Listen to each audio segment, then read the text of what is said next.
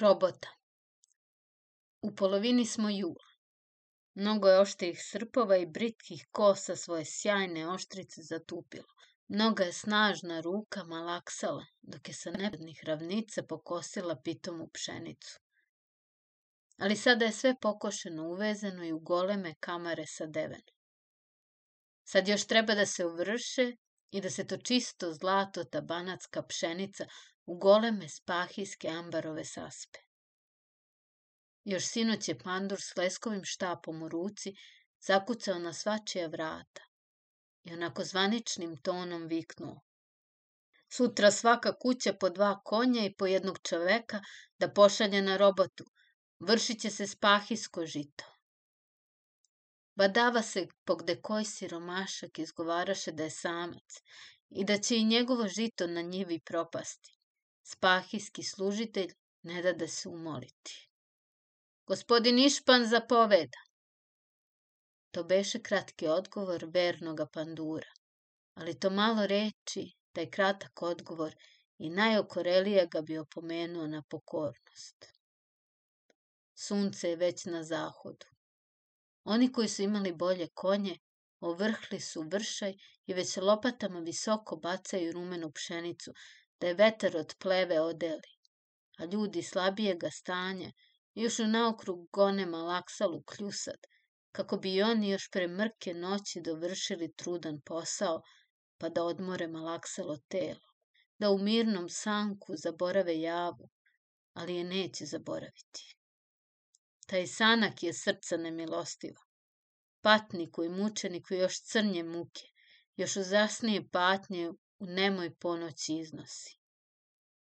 Neki su dovršili posao, pa opruživši umorno telo, odmaraju se na onoj crnoj zemlji po kojim je čitav dan znoj padao.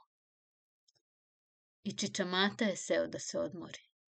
Naslonio se na jedan snop, a mutne mu oči gledaju u daljinu. I nikad mira, nikad pokoja. Da bedne starosti. Do njega naslonio se mladić jedan na vilu kojom je slamu preturao. Divan stas, oči duboke, tamne, čelo visoko, a kao mermer belo. Nos prav, mali crni brčići bacahu tanku senčicu preko čisto rumenih usta. Duga crna kosa izgledaše kao crn okvir oko mermerne slike.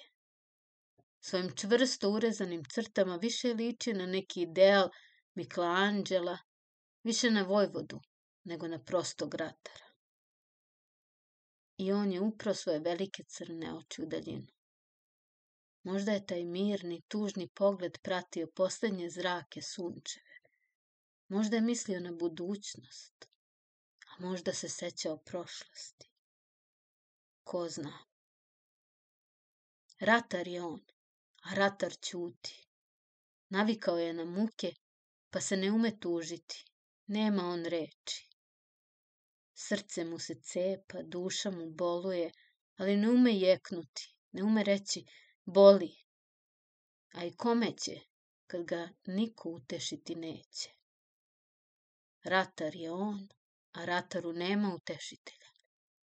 Okolo njih radiše seljaci, psovaše, guraše se, biše sirotu stoku koja iznemogla jedva se mogla kretati. Ali otac i sin, Čičamata i njegov dični Marko, udubeni u svoje misli, nisu od svega toga ništa čuli ni videli. Nisu videli ni samoga Išpana, koji s pakosnim osmehom posmatraše njih dvojicu. Do Išpana je pandur vešto šaputao jednom Nemcu do sebe, a Išpan je za potvrđenje pandurovih reči klimao glavom. Dakle, doveče, reće riđe kose i pegavoga nosa Nemac. Doveče kad se smrkne i kad se svi ovi raci uklone, dodade Išpan. Samo morate paziti da vas niko ne opazi, a naročito raci. Verstanden? Aj jo, tvrđaše broćasti Nemac. I još nešto, Kolima morate kroz Ratsko selo proći i to najpre onim malim sokačićem što vodi od bare, a posle levo pored Čičamatine kuće. Tu ćete prosuti za jednu mericu žita. Per šta? A jo, odgovaraše švaba. Ali ako me vidi bokter, dodade malo zamišljeno s lukavim osmehom riđa. Mah, nichts, o tome se vi ne starajte, samo se čuvajte raca. Hoću. I s time ode broćasti prijatelj gospodina Išpana. Čičamatu moramo upropastiti. Ili će on nas upropastiti. On je jedan od svih odmetnika na koga još njegovo blagorodije nešto polaže. I to sve zbog svoga dede koji je, među nama rečeno, isto ovako glupi rac bio kao što su i ovi skotovi. Vojevali su zajedno, ha ha ha. Pa kako ona stara drtina ume sladiti tu vojničku slavu, još bi se i njihovu blagorodiju prohtelo da se poraci, pa da s ovim lopovima ide negde na vojsku. Ha, ha, ha. Često ga viđam, a naročito od kako se s ovom matorom kugom razgovaraše, gde po čitav sahat posmatra pancir i skupo oružje svoga kao što Čičamata kazuje viteškoga dede. I ona maza, jedinica, još mu sladi te starodrevne gatke. Pa onda uzmi tu glupost. Od nekog kratkog vremena počela je sa ocem, njihovim blagorodijem i srpski po dvoru govoriti. Ja upravo ne znam ni gde nauči, ako nije od one veštice matore. E, jeste čuli, Franc, ako ovako ustraje i ako mu sad ne uzmognemo dojaditi, onda se slobodno možemo vraćati na neplodni pesak naše gladne Nemačke. Išpan učuta, a svoje pakosne oči uproje u čičamatu, koji taj mah s nekakvim umiljenjem gledaše svog jedinca. Hoćemo li doma, Marko? Pa nisu ni komšije spremni. Eto, čiča Milisavu pomaksaše konji, pa tek sad dovršuje vršaj, a već i mesec izlazi, pa treba i vejati i raditi i u ambar nositi. A vidiš, babo, i on je star, i njemu su malaksale ruke. Pa onda ono devojče. Ko je? Pitaše čičamata, osmeknuši se. Ta njegova jela, slaba je, sirota, mlada, te bih ostao da im pomogne. Sinko, pa dosta si radio, umoran si i ti. Dosta, ali oni su slabi, a ja, ja mogu još raditi. I mesec iziće. Ljudi se jedan po jedan razilaziše kućama svojim, samo ostačića Milisav na vršaju sa svojom lepom jelom. Njima se približi Marko. Čiča Milisave, idi malo do moga baba, porazgovaraj koju, a ja ću ovde žito bacati, a Jela će metlom trniti. Jela je oborila oči, ali je poslušala. Skupiši svoju crnu, dugu kosu, povezala je belom maramom, da joj se svijona kosa ne uprlja. Uzela je dugi trn i svojim belim ručicama povlačila je po rumenoj pšenici. Noć. Sve se umirilo. Sve je tiho, samo se pogde koji klasak pšenice, što ne pokoše na strnjici osta, s blagim vetrićem hladovne noćne razgovara. On mu se tuži, pripoveda. Kazuje kako je do skora imao milionima drugova, pa kako ga svi izneveriše.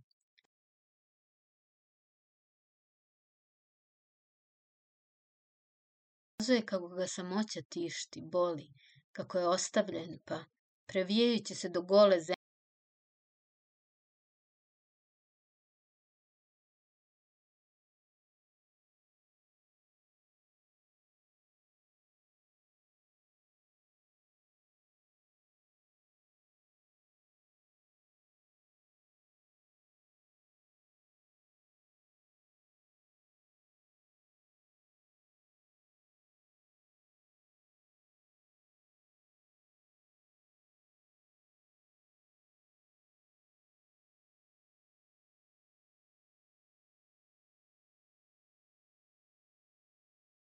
stadoše. Iz kola izađe jedan polukrupan čovek i kao zmija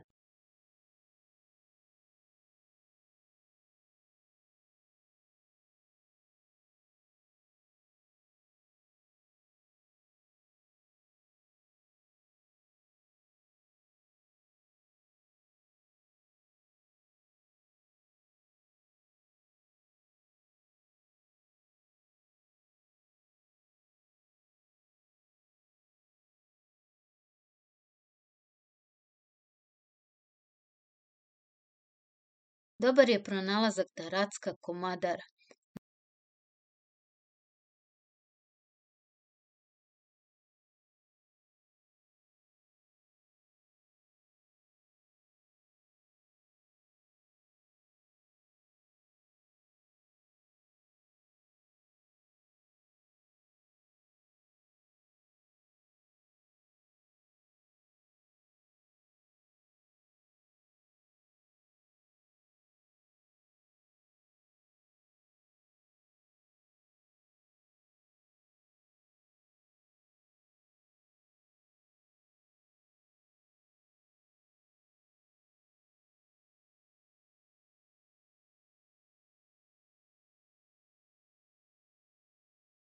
Pa zapuši džak i gledaj kako ćeš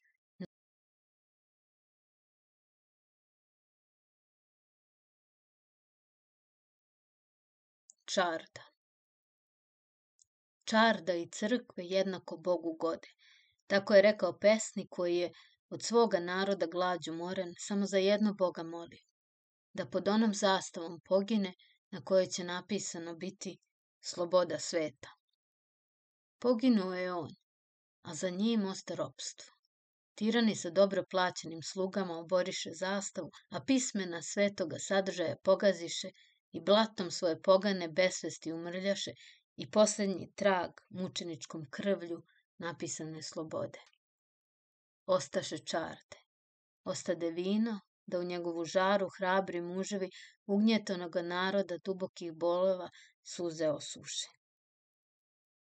Na levoj obali Begeja i sad se još vide čađave razvaline pogorele čarde, ali je 1799. godine drugčije izgledaše u njoj.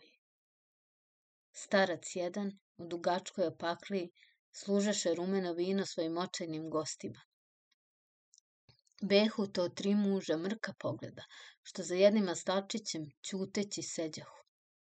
Najstariji između njih mogao je imati oko 40 godina. Dugi, mrki brci mu se pored ispupčenih jabučica čak do ušiju povijahu, a obrve mu čisto garavu senku bacahu na i onako crne oči. Druga dvojica behu mlađi tako ličahu jedan na drugoga, baš kao da su rođena braća. Smeđe brčiće tek što su počeli sukati, ali im lice beše bledo i uvelo, kao da su već mnogo u veku svome proživeli. Još jednu icu vina. Mehanđija kao da nije čuo. Icu vina, ješ čuo ča miladine, dones mi još jednu. Dosta će biti, deco, dosta duše mi, ta kako juče u podne sedoste. Starac htede produžiti svoju umeravajuću besedu, ali mu u taj mah prekide reč treći gost, sa onim crnim brcima i tamnim pogledom. Još jednu, još čuo miladine, jer ću je sam natočiti. Čiča Miladin, ćuteći, uze staklo i donese ga, napunjeno vino. A što ti ne srkneš malo, Aleksa? Tim rečima se obrte stari krčmar jednome gostu, što u drugome kutu čađave mehane naslonjen na obe ruke seđaše. Beše to ličan momak kakvoga samo srpkinja rađa, širokih prsiju, vita stasa, a mladost mu se razvijaše po belom licu. Vala ti, čamiladine, nikad ne pije. A ti bar spavaj, odmori se, da od juče ni trenuo nisi. Ne spava mi se starče. Siromah momak, nešto ga muči. Gunđaše čiča Miladin, onako samo u brk. I muke mu moraše srce kidati, jer Beše bled, a u očima mu se ogledaše neka neopisiva tuga. Hodi bar sedi s nama, sinovče. progovori iza drugoga stalno onaj čovek sa mrkim pogledom. Volim samoću, bača tasu. Samoća mori čoveka. Hej, pa da znamo je mi. Šta veliš obrade? I ti, Manojlo? Znamo Boga mi. Za šest godina je naučismo. Hm. Za šest godina nas držaše vezane u mraku kao pse. Pa zašto? Pitaše čisto zagušljivim glasom bačatasa. Zašto nas mučiše lancima, mrakom, samoćom?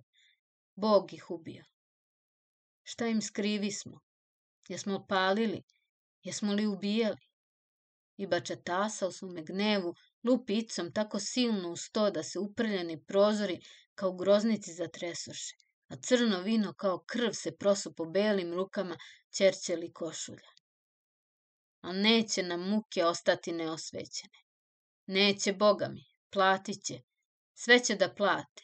Krvnici nemi. Krvlju će svojom platiti. Dodadoše oba brata, Obrad i Manojlo. U tom se otvoriše vrata, jedan mlad čovek uđe u mehanu. Pomozi Bog, a gde je krčmar, hej, bačika? Ja sam krčmar. Šta ćeš, sinovče? Ta znaš, čiča, imam jednu konj tamo napolju, pa bi teo zob. Ima li zobi? Nema, sinovče. Ima sena? Nema. Ima li slame? Pa dobro, podaj mu i slame, a meni da daš jednu čokan palinka. Mađar, progunđa bača tasa, a čelo mu dođe namršteno, obrve mu čisto poklopiše oči. Pa do otkud putuješ? Zapita ga čisto tupim glasom. Od Temišvara. Znaš, bačika, terao sam jedno konj na vašar, da je prodam. Ebata, pa nema ljudi novaca za tako konj. Zar ti je tako skup konj? Valjano, ebata. Nema ga u čitavom Mađarorsag. Aleksa, koji donde ćutaše u svome kutiću, ustade i pogleda kroz uprljene prozore. Dobar konj sunca mi. Da li bi dopustio da ga malo oproba? Pa probaj, baćar umram. Samo čuvaj da te ne baci. Ne brin se, komšija. I Aleksa iziđe napolje i sede na pomamna vranca. U prvi mah ga malo zaigravaše, a posle ga obode i za tili čas ga nestade u golemoj ravnici. Kad se posle nekoliko minuta vratio, beše vrana dlaka valjanoga konja belim penom i šarana. Ti si, baća Muram, rođen baš za ovo konj. Ne možda njega svako čovek da jaši. Aleksa uzdahnu. A pošto ti je konj, komšija? Skupo je, bata. Pet stotina vorinti srebra. U tome se otvoriše mehanska vrata i nov gost se prijavi. Hod mu je umoran, kosa seda. A sto godina mu je sede zulove čupkalo, dok ne osta teme glatko kao ona mrtvačka glava od slonove kosti izobražena. Jesi li tu, Aleksa? E, otkad te traži. Oprosti, deda, ali znaš? I Aleksa se hteo izvinjavati, ali ga glas izdade, pa je tek nerazumljive glasove izgovarao. Znam, znam, dodade starac. Znam te šta misliš i šta bi mi hteo kazati. I obrnuvši se drugoma stalu, čisto se začudi kad vide onu trojicu. A otkud vi? E, hvala Bogu, zar vas pustiše? E, ta valja se i oni setiše Boga. E, bezbožnika, pa kako taso? Bog me si sinko i prosedeo. A vi, deco? O Bože, gospode moj, kako se izmeniste. Da, da, tamnica, muke, samoća, noć. Dobro ste još živi. Dobro Boga mi, čiča mato. A vi kako ste? Kao u tamnici. Crkvu nam zatvoriše, kradom se gospodu Bogu molimo.